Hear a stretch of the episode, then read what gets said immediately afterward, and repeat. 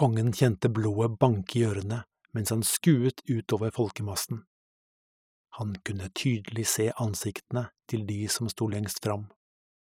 Mange var uttrykksløse, mens andre bar preg av håp og forventning.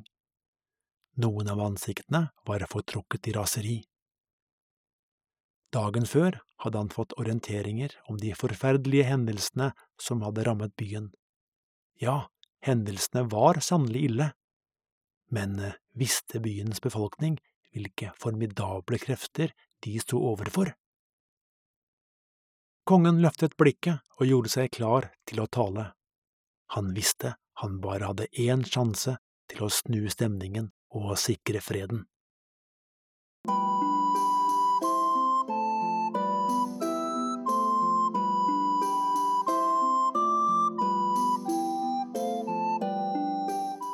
Velkommen til Helter og legender fra antikken, episode 33, Det store jødiske opprøret mot Roma, del to av fire. Judea er som en trykkoker, hvor temperaturen øker for hvert år som går. Det er mange grunner til jødenes frustrasjon, men romersk religionsfornærmelse er høyt oppe på lista. Det er nesten litt rart, for romerne er omtrent så langt fra religiøse fanatikere som det er mulig å komme. Riktignok har de sin egen tradisjonelle gudstro, hvor guder som Jupiter, Juno, Mars og andre tilbes etter eldgamle ritualer. Men eh, erobrede folkeslag får stort sett beholde sine religiøse skikker, og utenlandske og eksotiske kulter fra øst får av og til fotfeste i Roma men i én sak var romerne kompromissløse. Behold gjerne din religion og dine guder, men glem aldri at også keiseren må tilbes og æres. Han er kanskje ikke en gud på linje med Jupiter og andre, men alle rikets undersåtter er forventet å vise ham den høyeste aktelse. Hvis keiseren ved sin død nøt høy anseelse, kunne han til og med bli erklært guddommelig. Keiserkulten var et viktig virkemiddel for å avkreve respekt og lojalitet av rikets innbyggere, og byene i de romerske provinsene var derfor ofte utsmykket med statuer, byster eller bilder av keiseren. I år 26 mener den nye romerske stattholderen, Pontius Pilatus, at det er på høy tid å forsterke keiserkulten i Jerusalem, så han gir ordre om at det skal settes opp militære bannere og byster av keiseren. Dette faller mange tungt for brystet, siden Toraen forbyr enhver form for gudebilder. Det at det i tillegg er snakk om en utenlandsk kult, medfører store protester i byen, ja, mange er så provoserte at de følger etter Pilatus hele den lange veien tilbake til Cesarea Maritima hvor de omringer hans offisielle residens i en slags sit down-demonstrasjon, og nekter å fjerne seg før bystene er tatt ned. Pontius Pilatus vurderer sikkert muligheten for å sende soldater mot demonstrantene, men istedenfor å risikere en massakre og ytterligere opptøyer, bøyer han av. Bystene tas bort, og situasjonen roer seg. Nok en spent situasjon oppstår i år 40, da keiser Caligula, i enda et forsøk på å styrke keiserkulten, får det for seg at det skal reises en svær statue av ham inne i selve tempelet i Jerusalem. Keiseren er utvilsomt klar over hvor stor en provokasjon dette vil være, så han gir ordre om at statuen skal på plass, om det så må skje med militær maktbruk. Kildene beretter at jødene, om de bodde i Judea eller andre steder, reagerer med sinne og vantro når de hører om dette, og umiddelbart forbereder demonstrasjoner og andre tiltak for å hindre at tempelet besudles. Men det som kunne bli en katastrofal situasjon, avverges i siste liten når det kommer bud om at Caligula er myrdet i Roma. Og hvem er nå lysten på å sette opp en statue av en avdød og upopulær keiser? Ingen viser det seg, så planen skrinlegges raskt. Kanskje trekker den romerske stattholderen Judea til og med et lettelsens sukk. Provokasjoner i form av romerske bannere, gudebilder og statuer kunne være ille nok, men også andre former for krenkelser kunne sette sinnene i kok. En kilde forteller at det i år 48, under feiringen av jødisk påske, som vanlig er tettpakket av jødiske pilegrimer i områdene rundt tempelet i Jerusalem. Feiringen av flukten fra Egypt over tusen år tidligere gir en følelse av fellesskap og høytid som folk har sett fram gjennom de kalde vintermånedene. Det er akkurat da at en romersk soldat, kanskje står han lett synlig på en mur eller et tak, trekker ned buksa, bøyer seg og lar det brake løs fra stedet der sola aldri skinner. Den grove fornærmelsen setter folkemassene i harnisk, og snart oppstår det voldsomme basketak i gatene. De romerske kommandantene må snart tilkalle forsterkninger, og soldatene gjør det soldater kan best. De går på med sverd og spyd for å stagge de rasende massene. Når dagen er omme, ligger tusenvis av dødsofre igjen i byens gater. Den tiltakende uroen er en kilde til bekymring for de romerske stattholderne. Hvorfor kan ikke jødene innordne seg romersk overherredømme, slik andre erobrede folkeslag har gjort? Enhver oppegående person må jo innse at jødisk selvstendighet er tapt for alltid. Jo da, befolkningen må betale skatt til Roma, men det må alle erobrede nasjoner. Samtidig nyter de, som alle andre, store fordeler gjennom Pax Romana, som sikrer fred mellom alle rikets folkeslag store handelsmuligheter og en felles front mot eksterne fiender. Utstrakt religiøs frihet har jødene også, kanskje mer enn godt er, så hvorfor kan de ikke bare innrette seg? Det er slike spørsmål som blir diskutert under banketter i stattholderens residens, hvor samfunnets eleverte, romerske utsendte, greskættede embetsmenn og lederskapet i den heleniserte lokale eliten deler bordets gleder. Som del av samfunnets absolutte toppsjikt har de privilegier den vanlige bonde eller landarbeider bare kan drømme om. De høster store fordeler av den tette kontakten med Roma, og har alt å tjene på at det eksisterende systemet videreføres. Den romerske ekspansjonen rundt Middelhavet har pågått i hundrevis av år, og ingen kan se for seg at det systemet som romerne står i spissen for, noensinne vil endres. Og hva kan vi si om Romerriket på denne tiden, drøye 50 år etter starten av vår tidsregning? Det første som må poengteres, er at det er stort, enormt stort, selv om det ennå ikke har nådd sin største utstrekning, dominerer romerne nå et område fra England til langt ned i Egypt, fra Marokko til Kaukasus. Den iberiske halvøy, nåværende Frankrike, en god bit av Tyskland, mesteparten av Balkan, hele nåværende Tyrkia og nordlige Irak, hele den nordafrikanske kysten. Alt dette er under romersk herredømme stort sett direkte styrt fra Roma gjennom stattholdere, noen ganger kontrollert gjennom klientkonger og lydriker. Det neste som må sies, er at riket var et militærdiktatur, hvor formålet enkelt sagt var å øke velstanden og makten til de mektigste familiene i Roma. Fremst av disse var familien som omfattet etterkommerne etter Julius Cæsar, som ca 100 år tidligere hadde spilt en nøkkelrolle i å gjøre den romerske republikken til keiserdømme. I mange tiår var det kun Cæsars etterkommere som kunne ha håp om å bære keisertittelen, men denne epoken nærmet seg nå slutten. Rikdom i form av penger, edle metaller, kunstgjenstander og andre kostbarheter hadde i århundrer strømmet til Roma, en by som etter hvert nærmet seg en million innbyggere. Rikdommen var resultat av militær ekspansjon, hard skattlegging og storskala gruvedrift i de erobrede områdene. Enkelte familier ble ufattelig velstående og kunne tillate seg et liv i luksus som ikke står noe tilbake for de privilegiene som verdens rikeste personer har tilgang til i dag.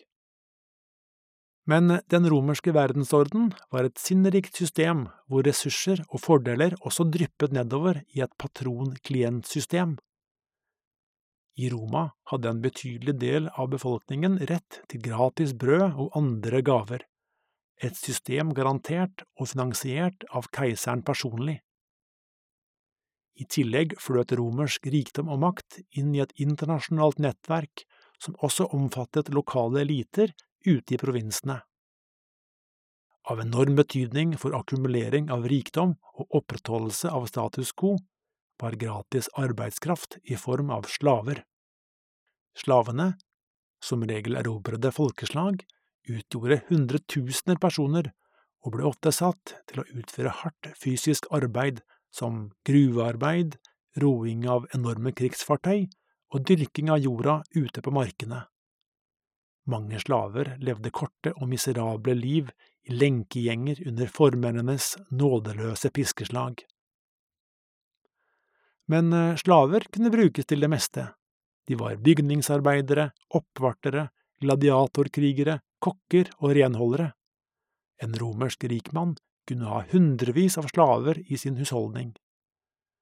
Slaver med særskilt kompetanse, for eksempel de som behersket kunsten å skrive, kunne bli betrodd viktige oppgaver innen administrasjon og forvaltning. Men en slave var en slave, og måtte alltid kjenne sin plass. En slaves liv og død lå fullt og helt i eierens hender.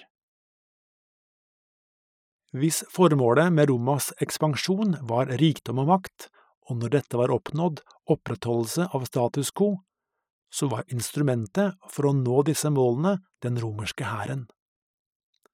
Å besitte en slagkraftig armé hadde høyeste prioritet, og det anslås at hele 60–80 prosent av statens utgifter gikk med til å finansiere lønn, våpen, utstyr, mat og andre nødvendigheter for de stående styrkene, som på denne tiden omfattet hele 250 000 mann. Antall menn under våpen var imponerende høyt, men det var også flere andre forhold som gjorde den romerske keiserlige hæren helt unik. Blant de viktigste var den 25 år lange tjenestetiden, som gjorde soldatene erfarne og samkjørte på en måte som ingen andre kunne matche. Et annet forhold var dens brede rekrutteringsgrunnlag, som innebar at unge menn fra hele riket kunne verve seg for militærtjeneste så lenge de hadde status som romerske borgere. Nok en sentral faktor var de attraktive betingelsene, som relativt høy grunnlønn, en andel av krigsbyttet, moderne våpen, et godt utbygd system for mat og forsyninger, samt gode pensjonsordninger. Kontrasten til andre rikere nasjoner, som sjelden hadde stående styrker av betydning, og som i krigstid derfor måtte rekruttere bønder og vanlige folk til våpentjeneste, var slående. Enkelte militærhistorikere mener at man skal langt ut i middelalderen før en igjen finner noe som er i nærheten av å matche kvaliteten på den romerske hæren i tidlig keisertid. Et høyt antall soldater, god utrustning mangeårig trening, jerndisiplin og en kommandostruktur direkte underlagt keiseren. Alt dette resulterer i en krigsmaskin så effektiv at den kom til å dominere slagmarken gjennom hundrevis av år. Etrurere, samnitter, kartagere, makedonere, grekere, gallere, armenere, briter og en mengde andre folkeslag, både små og store, har forsøkt direkte konfrontasjon med den romerske stridsmakten, og blitt tvunget i kne. Alt dette er våre privilegerte venner rundt bordet i Cesarea Maritima godt kjent med. Det er derfor med en stor porsjon selvtillit at de diskuterer den politiske situasjonen.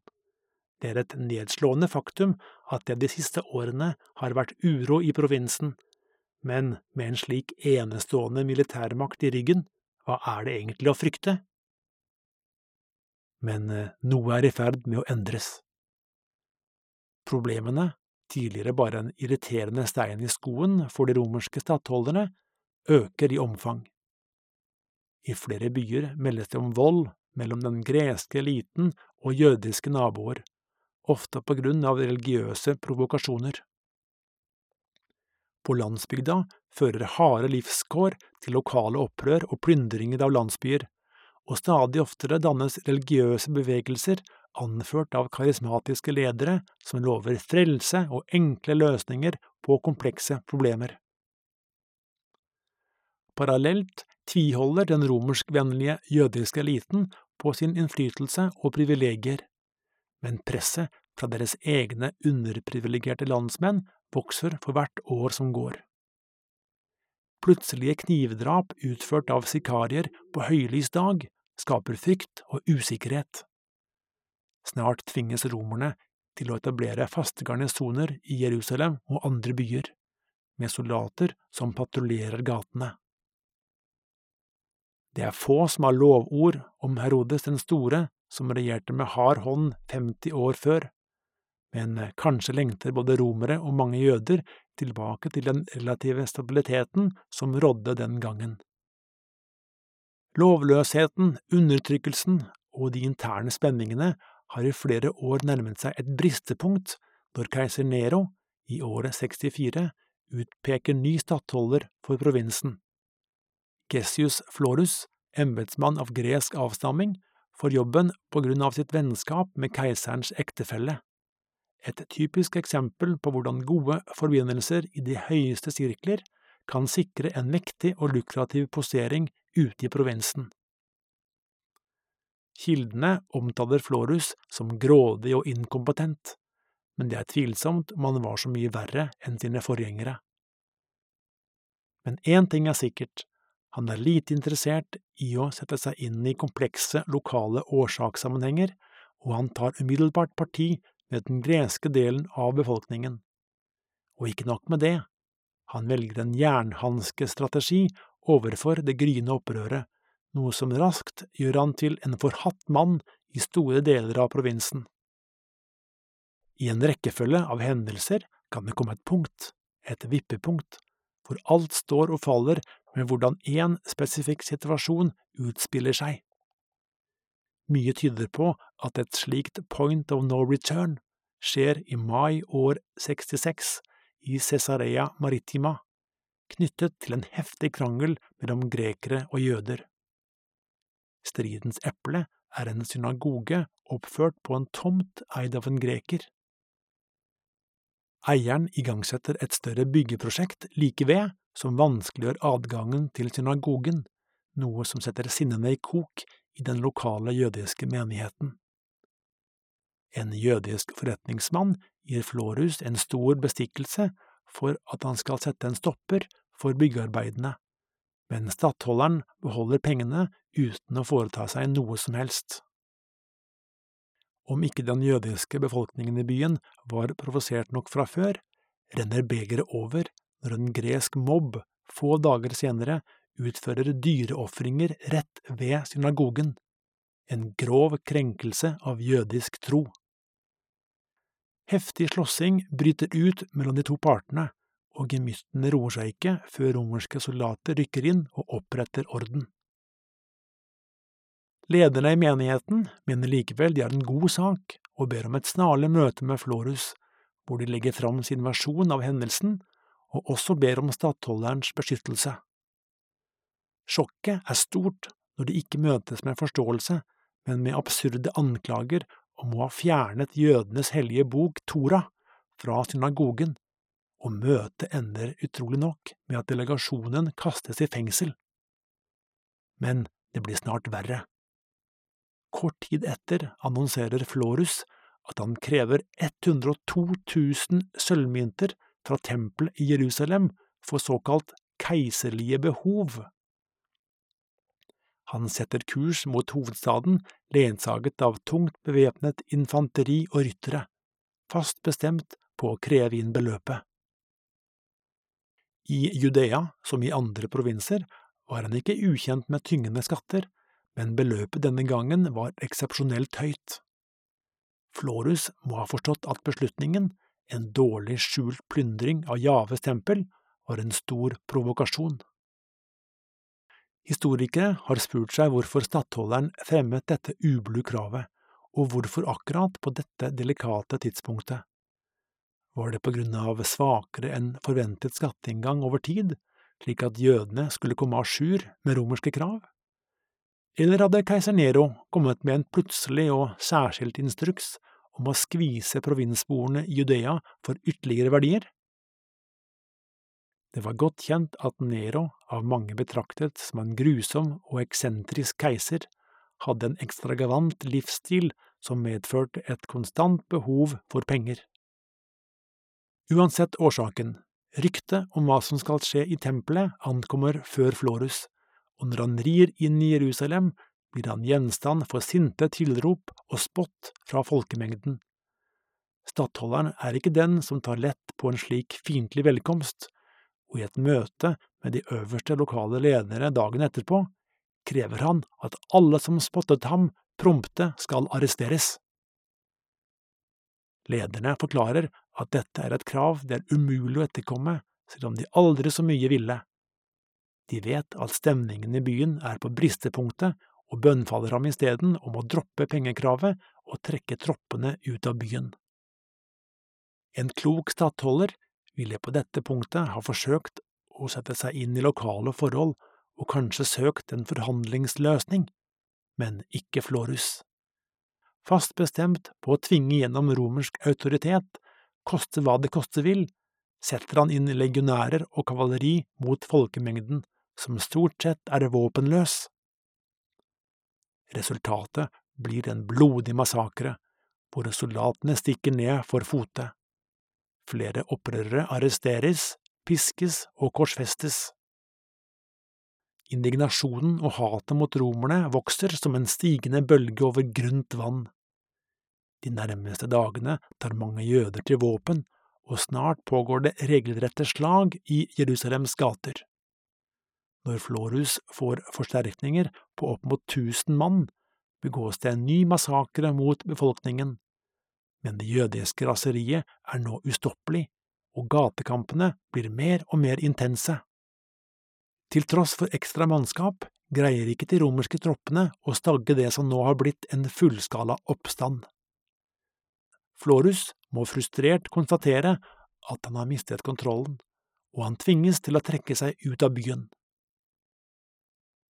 Nyhetene om hva som har skjedd, sprer seg som ild i tørt gress rundt i landet for den greskættede befolkningen, hvor mange ser ned på jødene samtidig som de frykter jødisk opprør, er hendelsene i hovedstaden som et mareritt. Noe må gjøres, og de vet de har romersk våpenmakt i ryggen, så de slår brutalt til ved å massakrere sine jødiske naboer i byer både i og utenfor Judea. Den hensynsløse framferden avføder en jødisk motreaksjon, og de etniske skillelinjene, som hele tiden har ligget latent, blir nå tydeligere enn noen gang før, også geografisk. Jerusalem og de fleste mindre byer i Judea og Galilea, samt landsbygda, er under jødisk kontroll, mens byene langs kysten og de med et markant gresk innslag er på romersk side.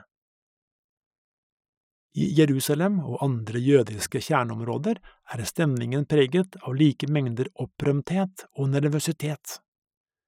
Mange er oppildnet av at Florus ble kjeppjaget, og de mest radikale snakker om muligheten for å gjenreise jødisk uavhengighet og renske landet for utenlandske urenheter. En slags nasjonal og religiøs revolusjon, for målet er full kontroll over landet som Gud lovet sitt utvalgte folk. Andre, særlig lokale eliter og familier som i generasjoner har levd godt som en integrert del av den romerske verden, kjenner at det begynner å brenne under føttene. De har inngående kjennskap til romersk syke og har ingen illusjoner om at romerne vil ta lett på det som hendte i Jerusalem. Men eh, kanskje er det ennå mulig å stoppe ferden mot katastrofen? Finnes det noen med autoritet som kan snakke de radikale elementene til fornuft?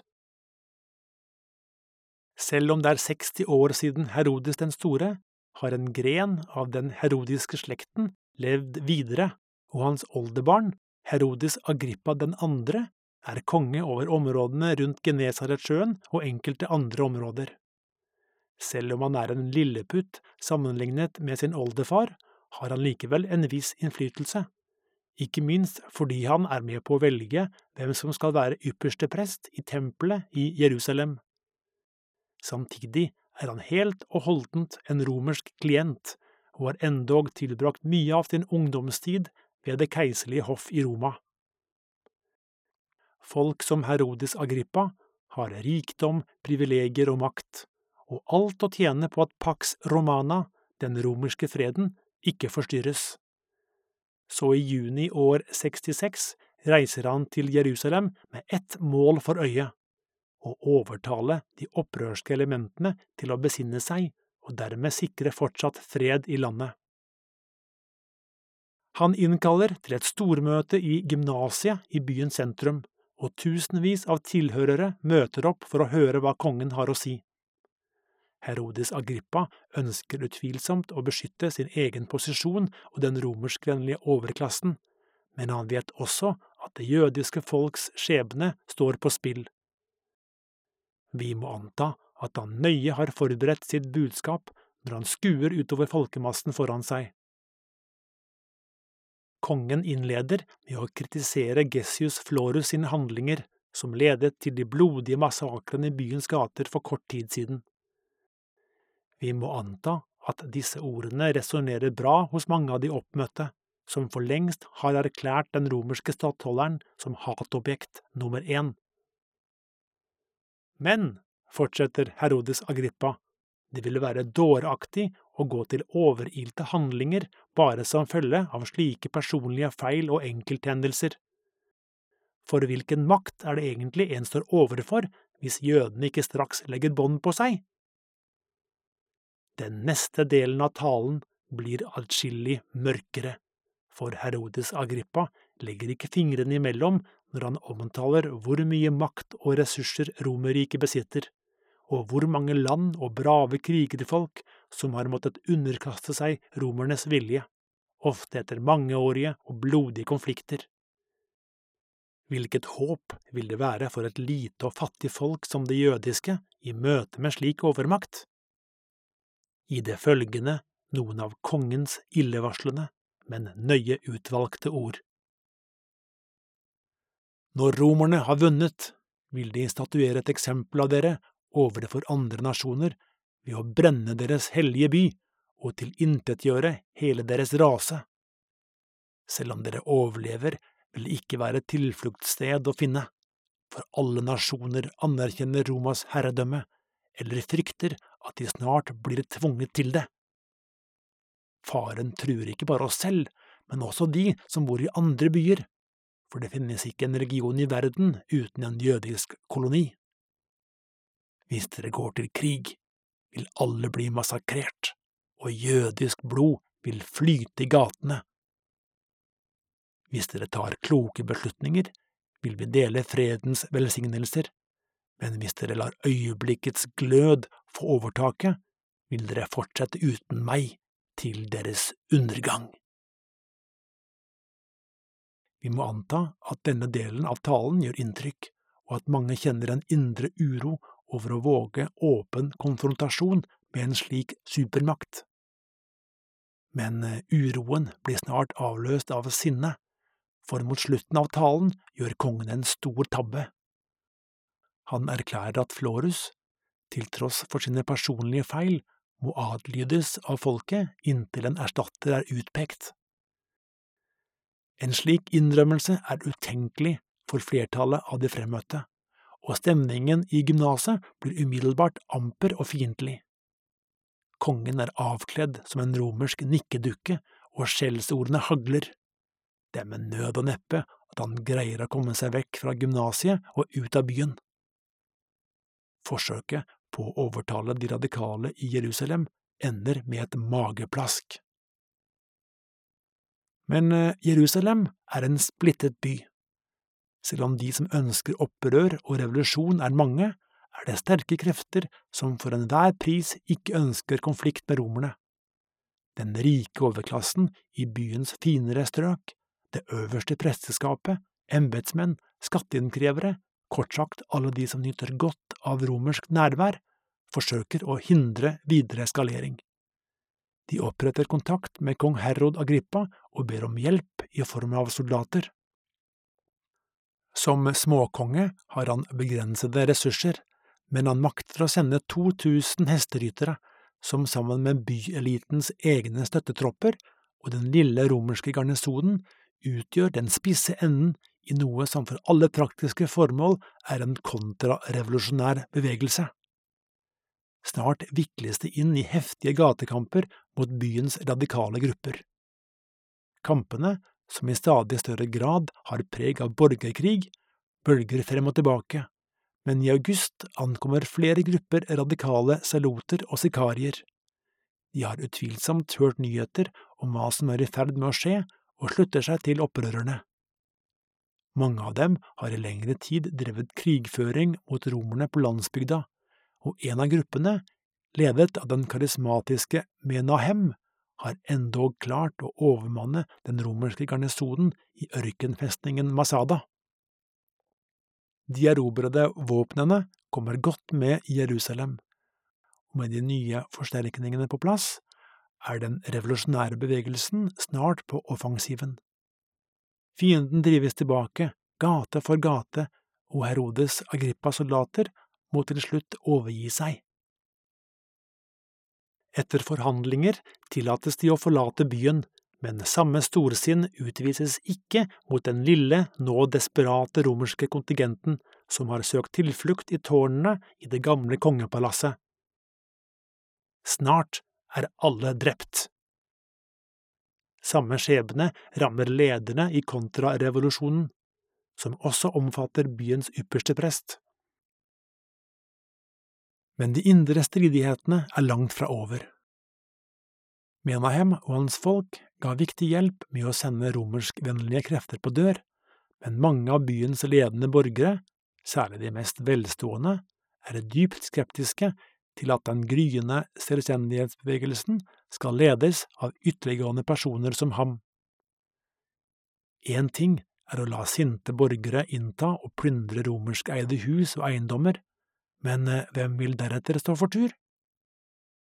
Hvis de ekstreme tar føringen og får styre mastene, hvor en betydelig andel er eiendomsløse og fattige, er veien til store sosiale omveltninger kort. Ingen vil være trygg så byens ledende menn legger en listeplan for å vingeklippe det nye og ekstreme elementet i byens antiromerske oppstand. Angrepet gjennomføres på tempelhøyden, og Menahem overrumples fullstendig. Flere av hans menn stikkes ned på stedet, men selv kommer han seg så vidt unna. Flukten blir likevel kortvarig, og han blir snart arrestert, deretter torturert og drept.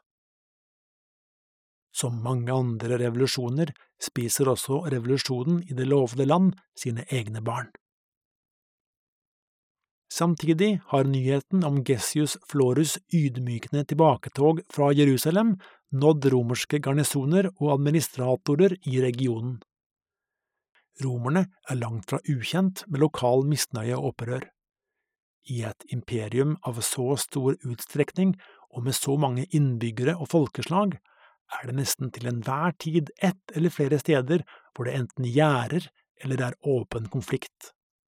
Ofte er det grenseområdene som er utsatt. Det er der størsteparten av de stående styrkene på flere hundre tusen mann er utplassert. Men uro kan også oppstå innenfor rikets grenser. Hvis vi ser for oss at det i Roma fantes en slags kommandosentral med et svært elektronisk kart på veggen, ville varsellampen i Judea blinke heftig, men eh, fargen ville være gul.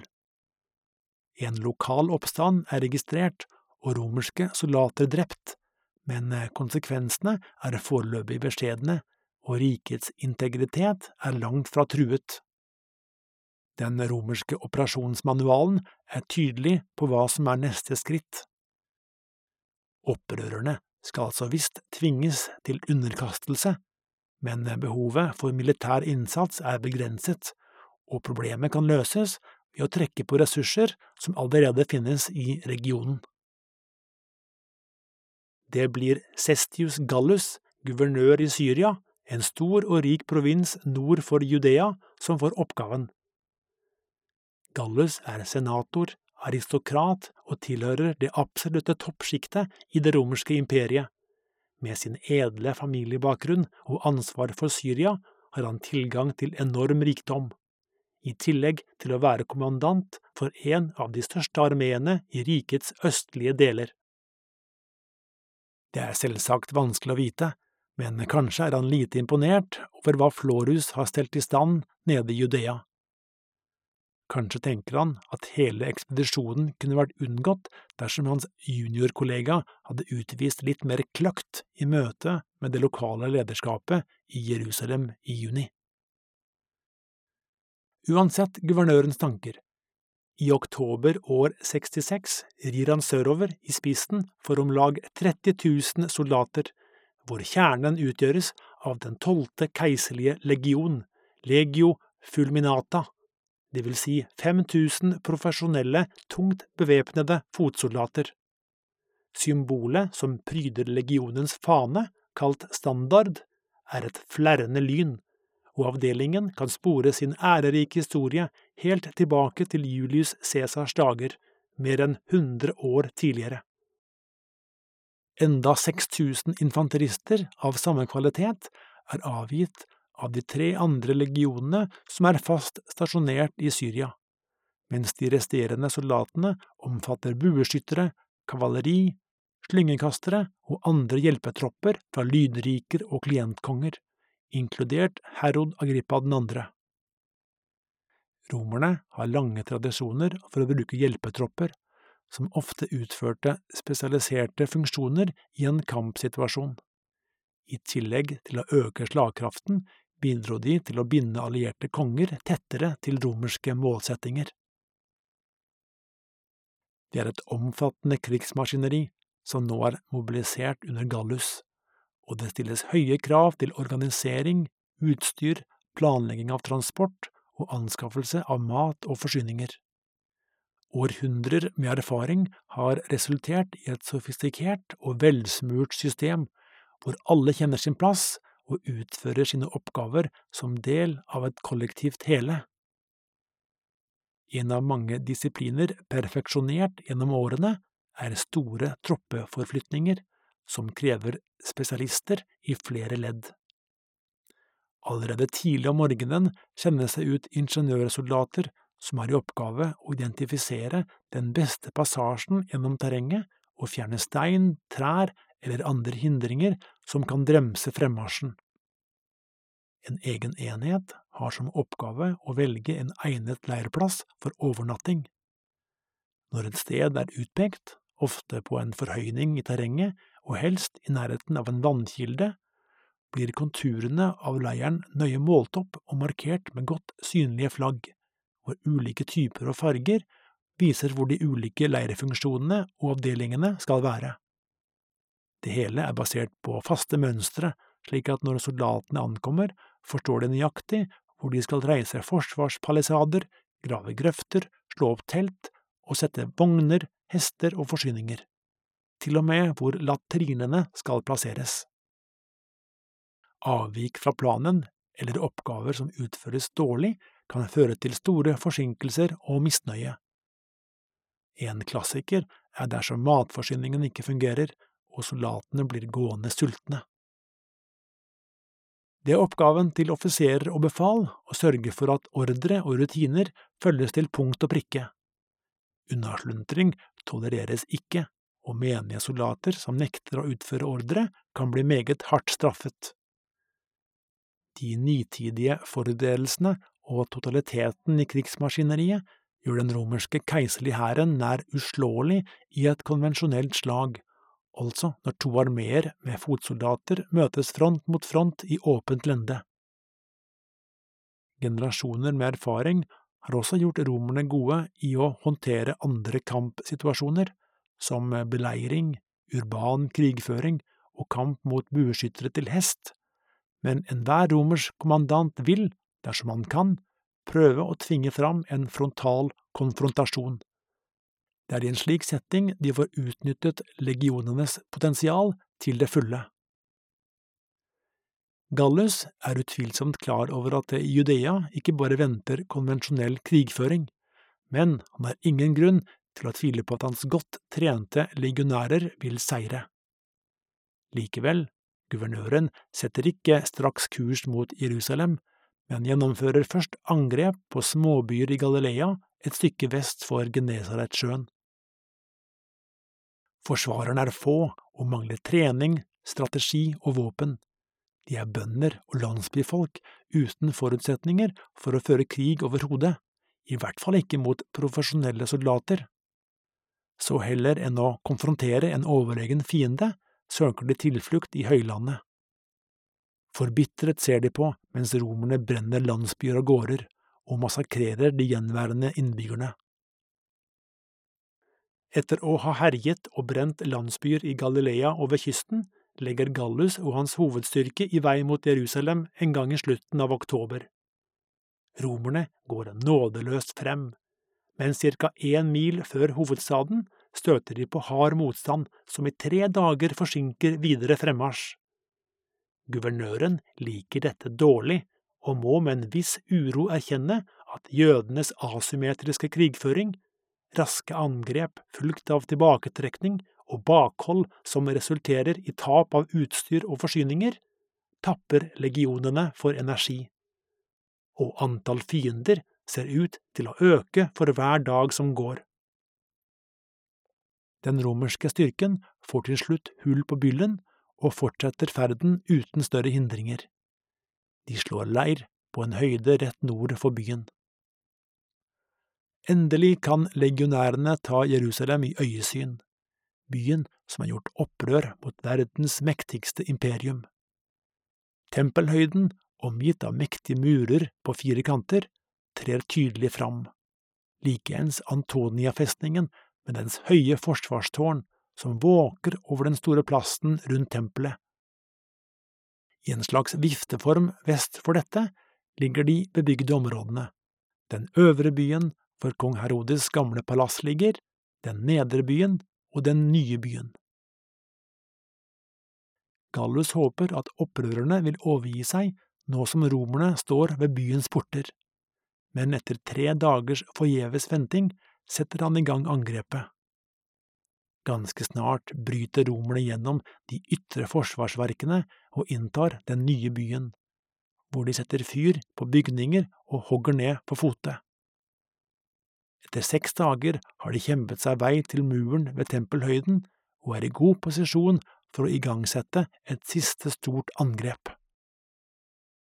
Forsvarerne er hardt presset, blir dette slutten på opprøret? Men så, til alles store overraskelse, beordrer Gallus tilbaketrekning til leiren på høyden. Dagen etter pakker legionærene utstyret og setter kursen vestover mot kysten.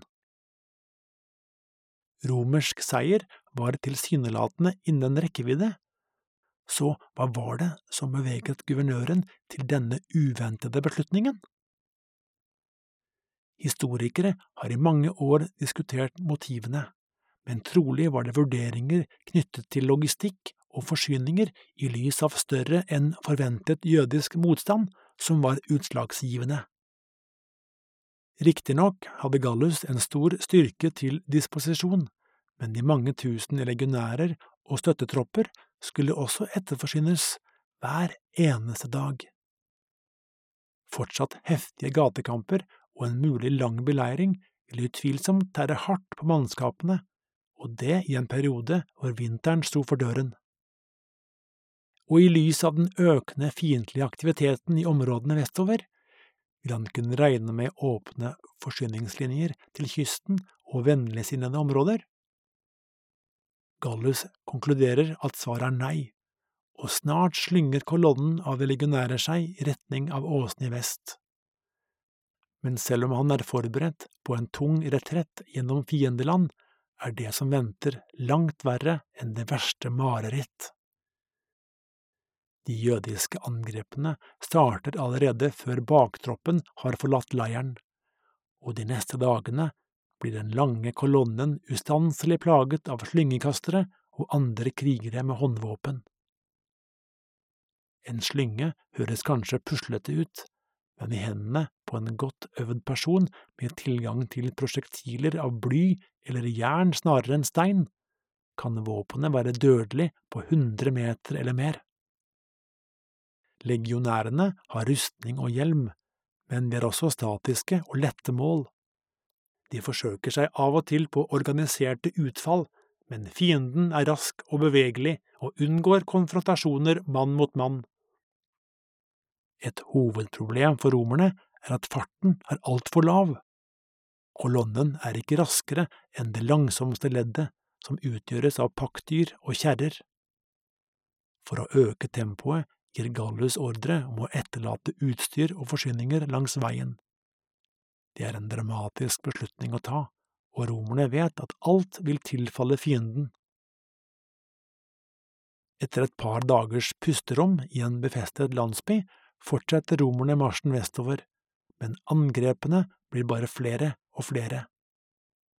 De jødiske opprørerne værer blod og tar nå sjansen på mer direkte konfrontasjon. En vanskelig situasjon for romerne er i ferd med å bli full krise, og ikke langt fra småbyen Beth Horon, i et pass, blokkeres veien i front samtidig som kolonnen utsettes for dødelige angrep fra begge sider. Romerne forsvarer seg så godt de kan, men lider stygge tap, og klarer med nød og neppe å redde størsteparten av styrken inn i byen før mørket faller på. Gallus er i en desperat situasjon. Det som for bare en måned siden var en armé full av selvtillit, er nå redusert til en masse av flyktende, desperate menn. Skal han hindre utslettelse, må de komme seg til kysten, og det fort. Om kvelden gir guvernøren ordre om at 400 menn skal utplasseres lett synlig på takene i Beth Horon for å gi inntrykk av at de skal organisere et omfattende forsvar. Men det hele er en bløff, og i løpet av natten lister Gallus og den resterende styrken seg stille ut av byen og marsjerer det forteste de kan vestover mot sikkerheten. Krigslisten lykkes, for når de jødiske angriperne innser at romerne ikke har til hensikt å forsvare byen, er hovedstyrken allerede over alle hauger. Rasende over å ha blitt lurt gjør de kort prosess med de 400 gjenværende soldatene. Men raseriet avløses snart av jubel, for det den sammenraskede jødiske styrken har utrettet, er en sensasjon. Mot alle odds har den slått og jaget på flukt en antatt overlegen fiende. De romerske tapene beløper seg til i overkant av 5000 mann, i tillegg har store mengder forsyninger, våpen og annet verdifullt utstyr tilfalt opprørerne. Til og med en standard det fremste symbolet på legionenes uovervinnelighet. Det hele er en formidabel ydmykelse for Roma. Ansvaret for fadesen hviler tungt på skuldrene til Cestius Gallus, som dør i vanære bare få måneder senere. På kartet i den romerske kommandosentralen har det til nå blinket gult over Judea, Fargen er nå endret til hissig rød. Ressurser av et helt annet omfang er påkrevet, og logikken er krystallklar.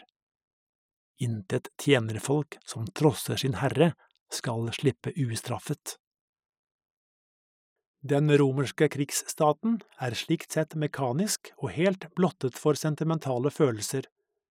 Det er ingen debatt om fredsforhandlinger, eller om en heretter skal la det jødiske folk være i fred.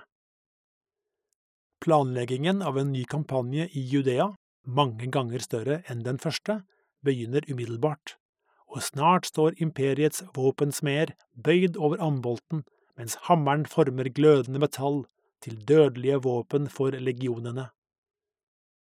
Vi tar pause her. I neste del skal vi høre om romernes brutale framferd i Galilea og den første fasen av beleiringen av Jerusalem. Selv om opprørerne ikke på langt nær har de samme ressursene som Roma, har de mange overraskelser på lur. Så følg med i neste episode av Helter og legender fra antikken.